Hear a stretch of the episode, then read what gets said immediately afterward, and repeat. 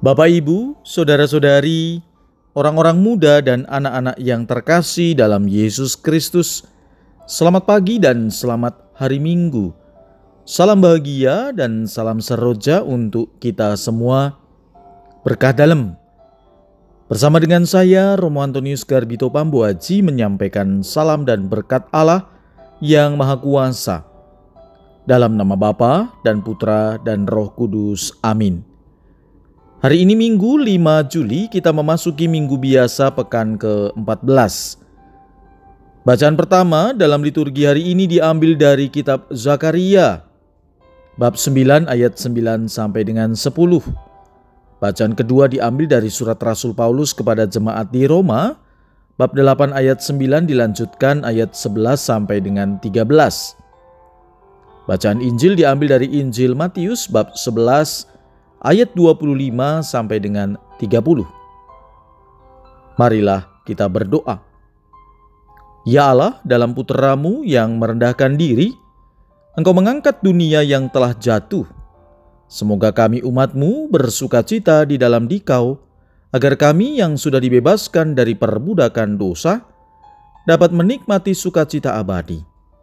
Dengan pengantaran Yesus Kristus Putramu Tuhan kami, yang hidup dan berkuasa bersama dikau dalam persatuan roh kudus Allah sepanjang segala masa.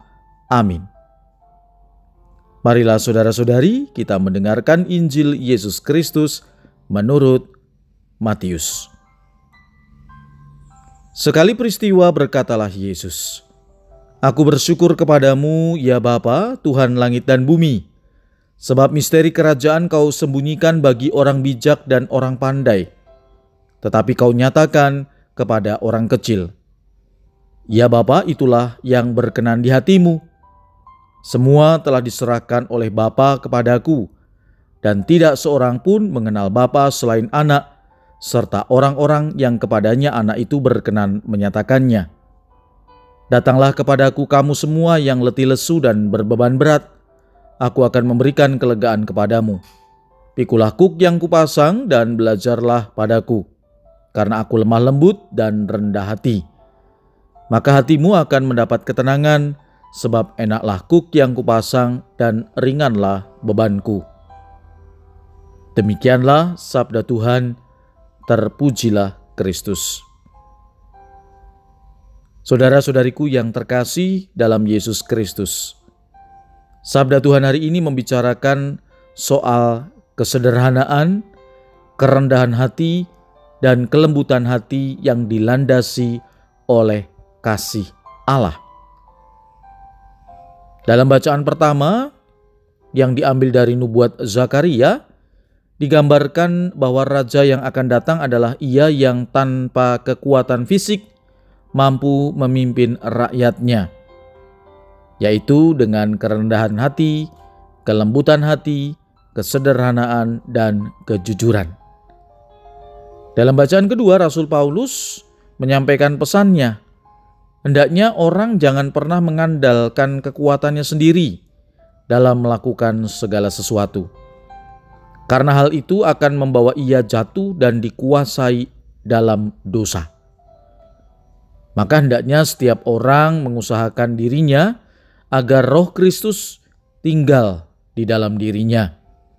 Sehingga setiap perkataan, pikiran, dan tindakannya didasari oleh kasih Allah dan ia pun akan dibangkitkan. Dalam Injil hari ini, Yesus menyampaikan bahwa dirinya lemah lembut dan rendah hati. Maka, barang siapa yang berbeban berat dan letih lesu, dan ia datang kepadanya, Yesus akan memberi kelegaan. Agar orang dapat memperoleh kelegaan dan ketenangan, hendaknya ia pun memiliki sikap lemah lembut dan rendah hati, seperti Yesus sendiri, serta menyadari kelemahannya hanya dapat disembuhkan oleh karena kasih dan kerahiman Allah. Saudara-saudariku yang terkasih, Seringkali justru dalam situasi yang sangat sulit, kita menjadi ragu akan kuasa Tuhan. Banyak di antara kita yang bahkan kemudian tidak tahan akan situasi tersebut, lalu meninggalkan iman dan mencari jalan alternatif. Pada saat kita membutuhkan pertolongan, justru kita menjadi penuh keraguan dalam berserah. Yang terjadi akhirnya kita menjadi yakin pada perhitungan kita sendiri, padahal hal ini jelas keliru, dan lupa bahwa Tuhan sungguh mampu menjadikan yang tidak mungkin menjadi amat sangat mungkin. Yesus memberikan teladan kepada kita bahwa kedekatannya dengan Bapa tidak terbatas pada saat menyenangkan saja, ketika ia menyembuhkan orang sakit, membangkitkan orang. Tetapi saat di mana Yesus mengalami tekanan dan penderitaan, dia tetap yakin bahwa Allah tetap menyertai dia. Maka ia tetap menimba kekuatan dari Bapaknya. Yesus pun mengundang kita. Apabila hidup kita terasa berat dan kita mengalami keletihan, Yesus mengajak kita untuk datang kepadanya. Ia akan memberikan kelegaan. Karena itu, Allah adalah Allah yang peduli dengan kita. Marilah berdoa. Ya Allah, Engkau telah memenuhi kami dengan anugerah yang melimpah. Semoga kami menyambut karunia keselamatan dan tak kunjung henti memuji dan bersyukur kepadamu. Berkat Allah yang Maha Kuasa, dalam nama Bapa dan Putra dan Roh Kudus. Amin.